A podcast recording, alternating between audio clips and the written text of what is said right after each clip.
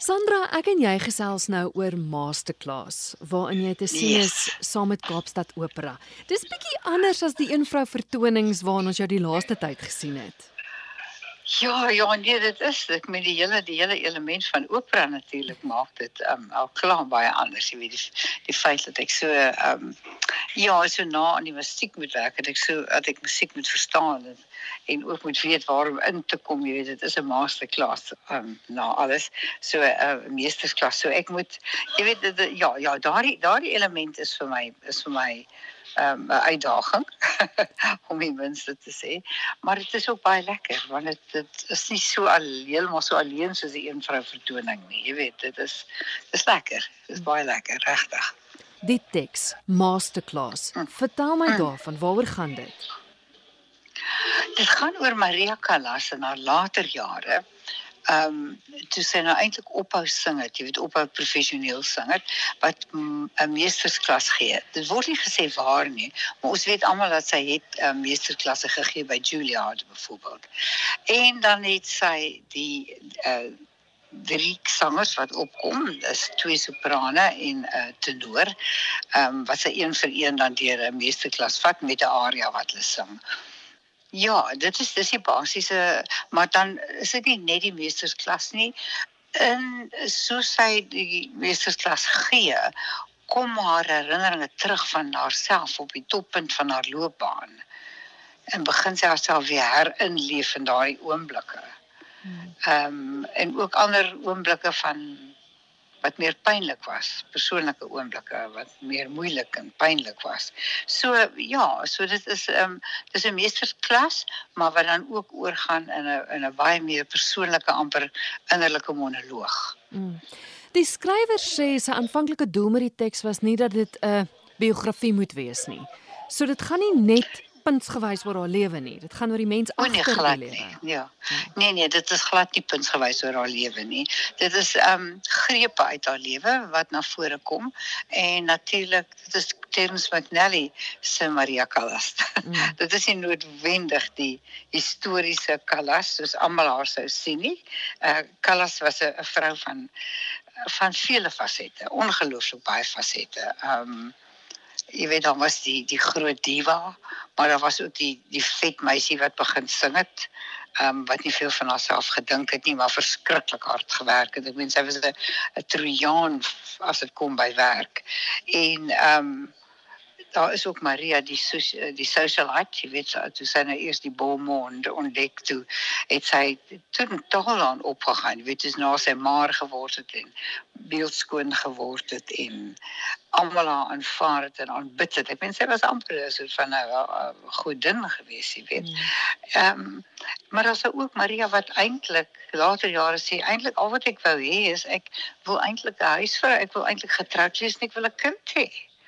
Jy weet, miskien nou nie 'n huisvrou nie, maar sy wil sy wil 'n normale lewe gehad het, jy weet, en dit was nooit binne haar bereik nie.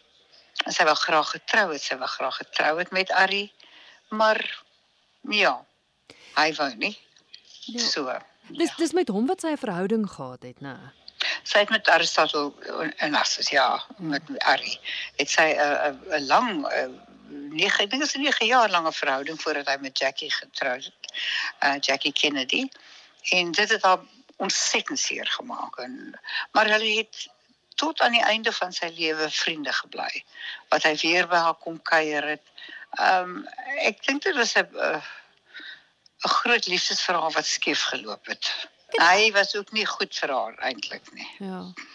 Ek het eers gelees dit is ook 'n weerspieëling van wat mens soms moet opgee as jy die hoogste sporte wil bereik in die bedryf.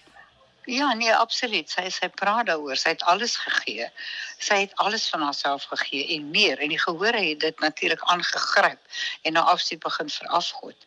Maria Callas was die grootste ster. Ek weet sy was groter as enige popster omtrent. Hmm. Sy kon nie, jy weet, kon nie beweeg nie. Dit was ongelooflik hoe die mense op haar gereageer het. Daar was ook natuurlik mense wat niks van haar gehou het nie. Wat ander sterre aangehang het so te Baldi en en wat wat, wat jy weet vir haar gefluit het en ge gehies het uit die ge, uit die gehoor uit en haar met raduise gegooi het in haar in plaas van blomme. Hmm. So jy weet sy sy was 'n baie omstrede karakter ook geweest, maar oor oorweldigend. Oorweldigend was die mense mal oor haar, lief vir haar. Dit het jy weet selfs later jare toe sy glad nie meer goed kon sing nie, want sy het haarself so hard gedryf dat sy eintlik haar stem skade aangedoen het en toe sy nog 'n loopbaan moes hê het sy nie sy het eers gewilliglik opgegee vir vir Arrie vir die liefde ook jy weet. Maar toe sy later weer wou sing want haar lewe het het, het vir haar uh, sinneloos begin word en sy nie eintlik meer goed kon sing nie het die mense haar nog steeds aanvaar en nog steeds staande ovasies gegee haar nog steeds uh weet hulle was nog steeds mal oor haar gewees. Is asof hulle haar broosheid kon sien en hulle nie omgegee het dat hulle groot godin nou eintlik ehm um, nie meer daai status kan behou nie. Jy weet as sy sy nou menslik geword het. So so jy weet ja, so dis dis 'n mm, mm, dis 'n is 'n hartseer storie, maar ook 'n fenominale storie van moed en toewyding. Mm. Ehm um, en en talent natuurlik, ongelooflike talent.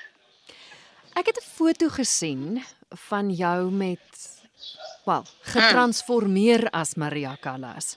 En is ongelooflik, ek moes baie mooi kyk om te sien dat dit jy is. Baie vir die blou oë. ja, maar jy is so bekend daarvoor dat jy vroue vertolk wat geleef het. Wat ja. wat was Maria se uitdaging om om in haar skoene in te klim?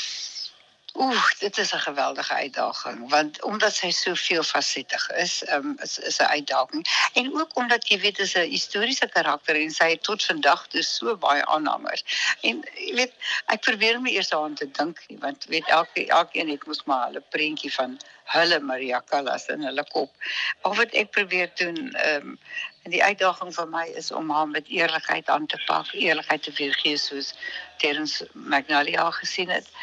Um om al haar fasette te probeer begryp en en 'n spel om te sit en dan om hulde te bring want ek persoonlik is absoluut gek oor Maria Callas en om hulde te bring aan hierdie groot ikoniese sanger, die grootste sanger van die vorige eeu.